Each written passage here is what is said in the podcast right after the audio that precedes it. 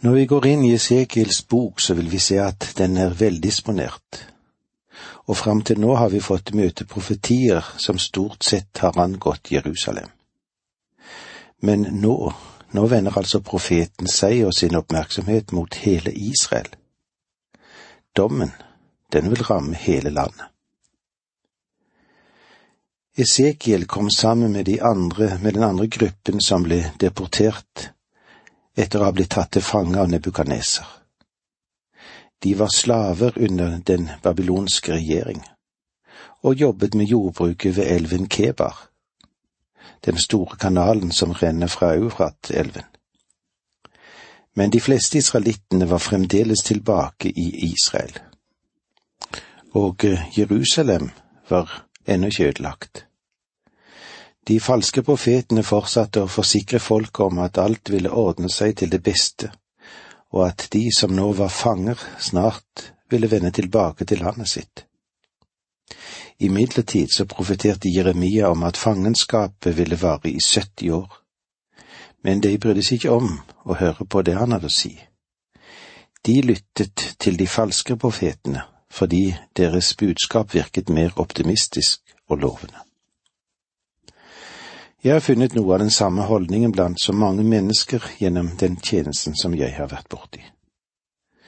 Noen har sagt til meg at vi kommer til kirken for å bli trøstet oppbygget, og ikke for å møte et budskap som krever en radikal forandring, og taler om dom. I kapitlene seks og sju har vi to budskap som er klare domsbudskap. Esekiel kommer nå til å omfatte hele landet i de profetier han formidler, og budskapet er konsentrert om at avgudsdyrkerne vil komme til å dø, og at landet vil bli lagt døde. Sverdet skal falle over Jerusalem. I det første verset i kapittel seks leser vi slik. Herrens ord kom til meg, og det lød så. Dette verset åpner den første av de to profetier, og det andre budskapet i kapittel sju begynner på samme måte. I vers én i kapittel sju leser vi Herrens ord kom til meg, og det lød så. Folket, de ville ikke akseptere det Esekiel forkynte dem. Men Esekiel, han sa til dem, jeg forteller dere ikke det jeg tenker, og jeg forteller dere ikke hva jeg håper, eller hva dere ikke vil like å høre. Jeg forteller dere det Gud sier. Det er også interessant å merke seg at begge disse profetiene konkluderer med ordene Da skal de sanne at jeg er Herren. Gud sendte sin dom over dem så at de skulle kjenne og vite at Han var Herre. En av hensiktene med en domsslutning er at den det dreier seg om, skal vite at Gud er en hellig Gud. Og denne verden trenger sannelig å vite og erkjenne at Gud er en hellig Gud. Det har i en årrekke nå vært sterkt understreket at Gud er kjærlighet. Og det er en viktig og det er en nødvendig sannhet at Gud er kjærlighet. Men det er jo ikke hele historien. Vi må også se på den andre siden av medaljen. Gud er hellig, og Gud vil straffe synd. Vender vi oss fra ham i ulydighet, fornekter du ham, og du ikke vil ta imot hans frelse, ja, da er det bare et alternativ tilbake – dom. Mennesker i dag som til alle tider forsøker å unnskylde seg selv, det er så. De vil ikke se seg selv som syndere innenfor Guds åsyn. De forsøker å avskrive Gud og skyve han ut, helt ut av det univers som han selv har skapt, ved å si han eksisterer ikke. Esekiel sier til folket at det er Gud som sender denne dommen, så han kan stadfeste for dem at han er en hellig Gud. Og hans dom, den er fryktelig. Paulus skrev i 2. Korinterbrev 5,11. Fordi vi kjenner frykten for Herren, prøver vi å overbevise mennesker. Fordi Esekiel ble gjort oppmerksom på Guds hellighet ved begynnelsen av sin tjeneste, så viet han sitt liv til tjenesten å overbevise mennesker. Vers to i kapittel seks. Menneske, vend ansiktet mot fjellene i Israel og tal profetord mot dem.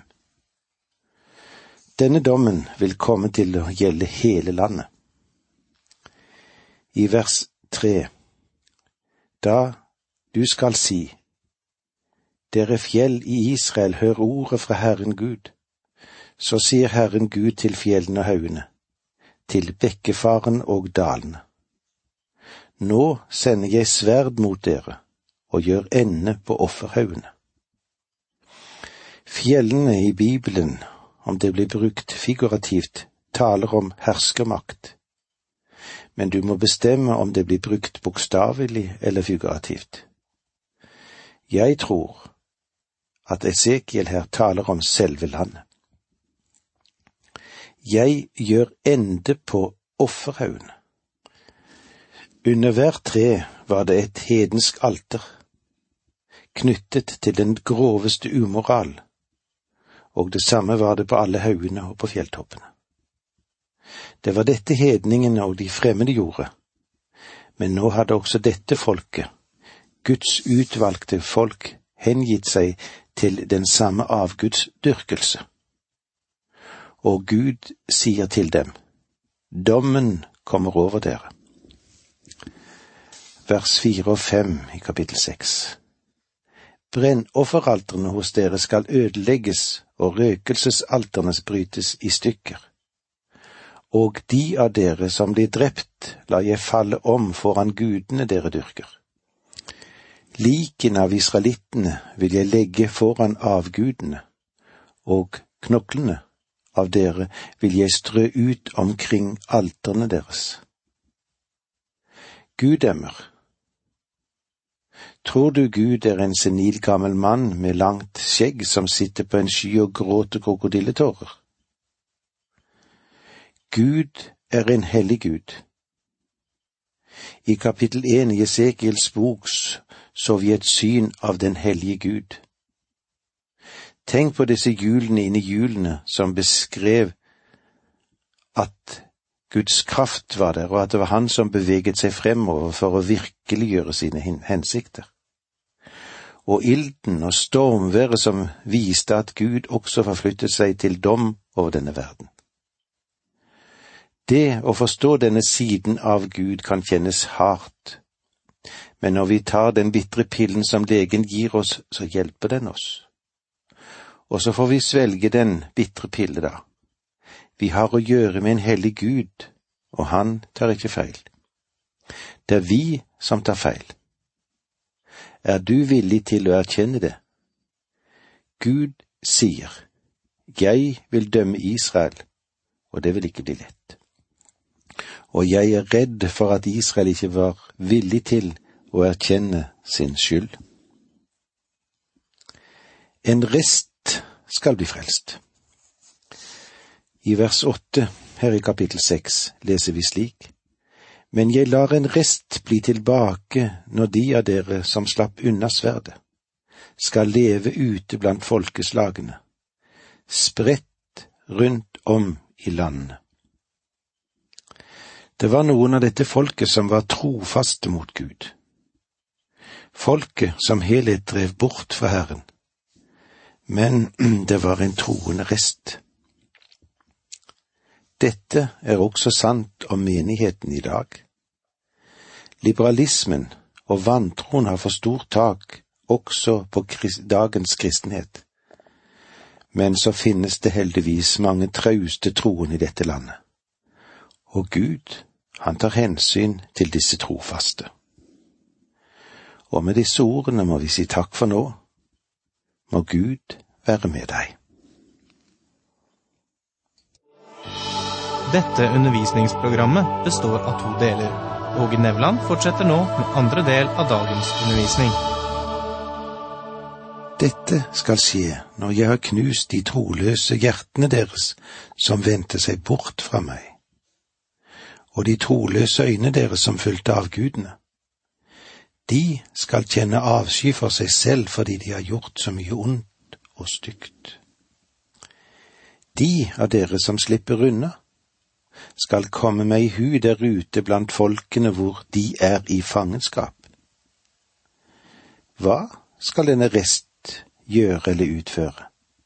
Jo, de skal vitne for den levende Gud.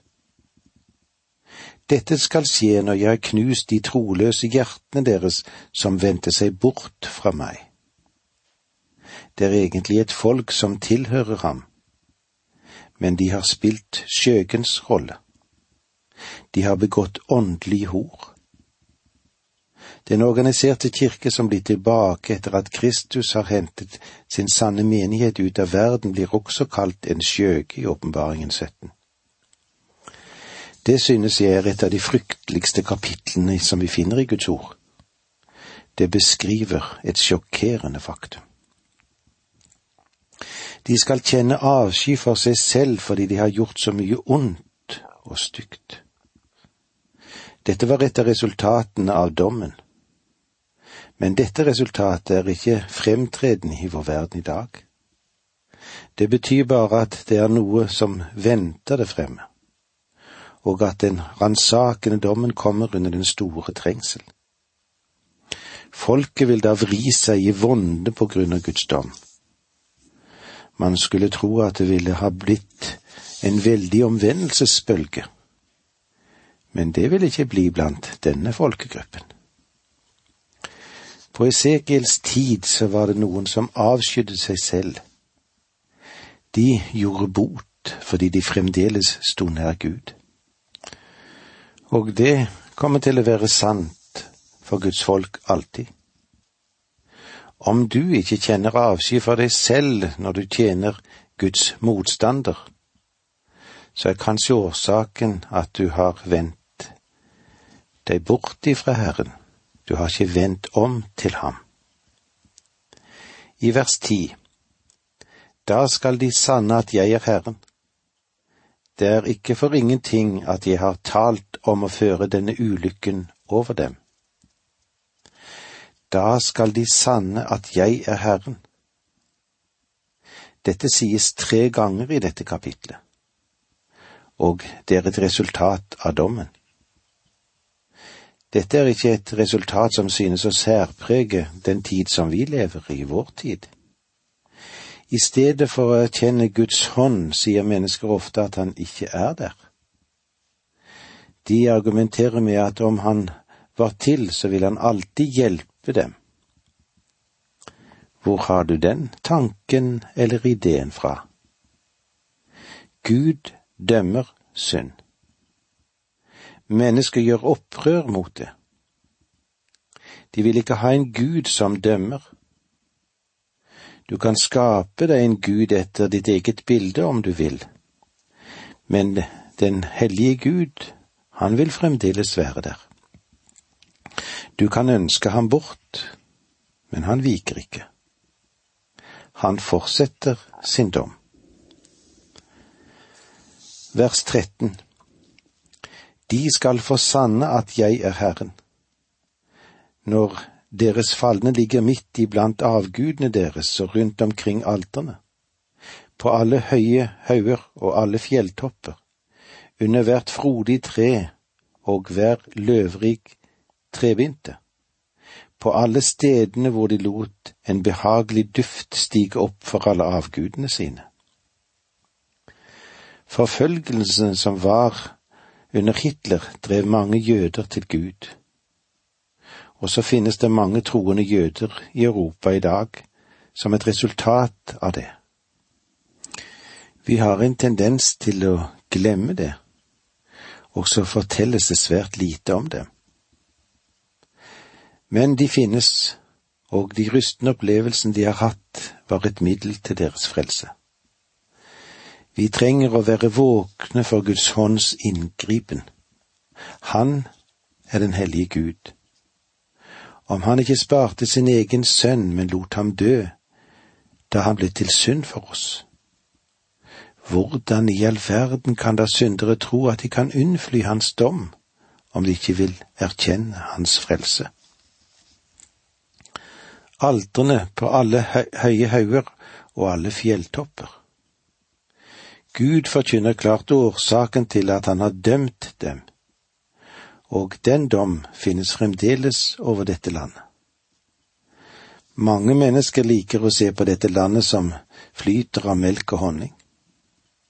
Her må du ikke lure deg selv, det er ikke et slikt land i dag.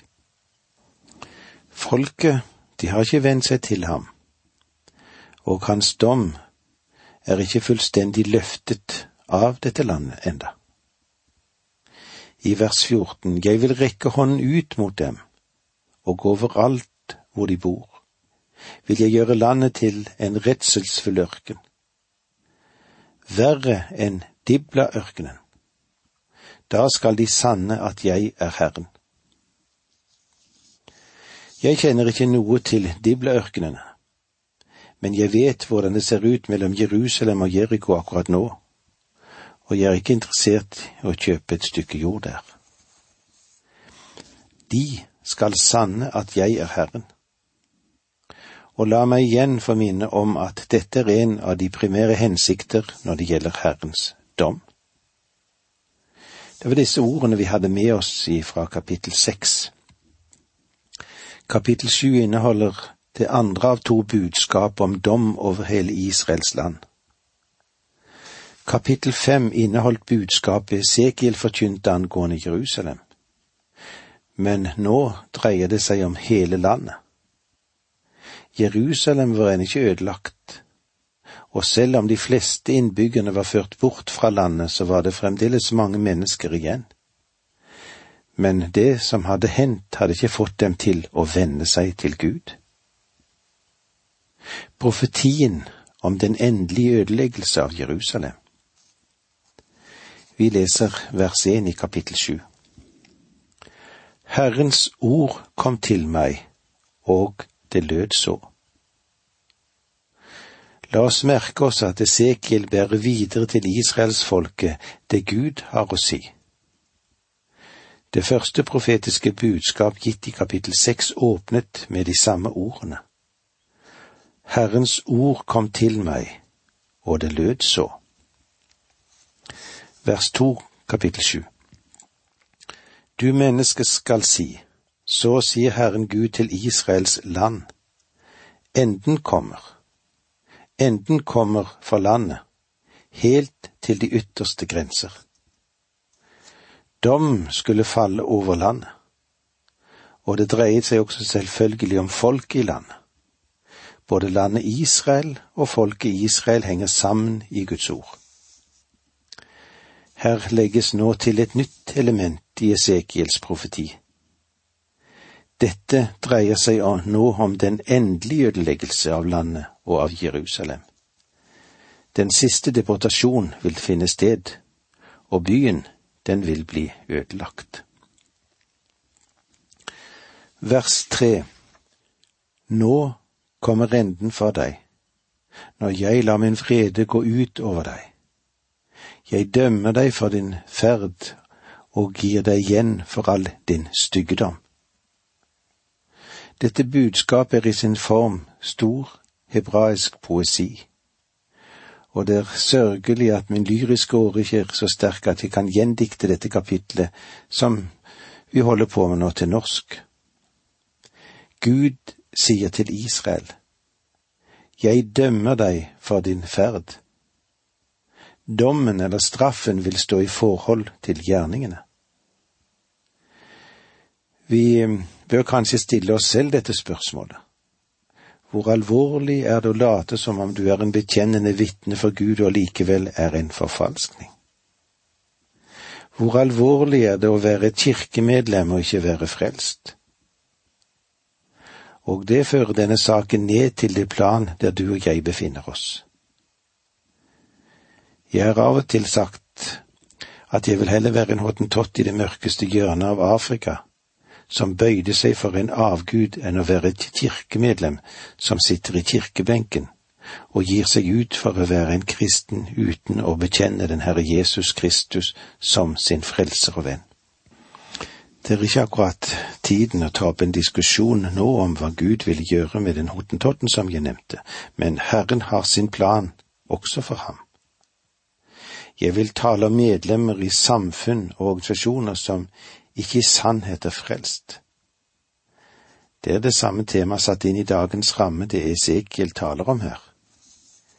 Esekiel sier at et slikt menneske har et stort ansvar, fordi en har hørt Guds ord og så har han vendt ryggen til det. Jo mer en hører, jo mer vokser ansvaret.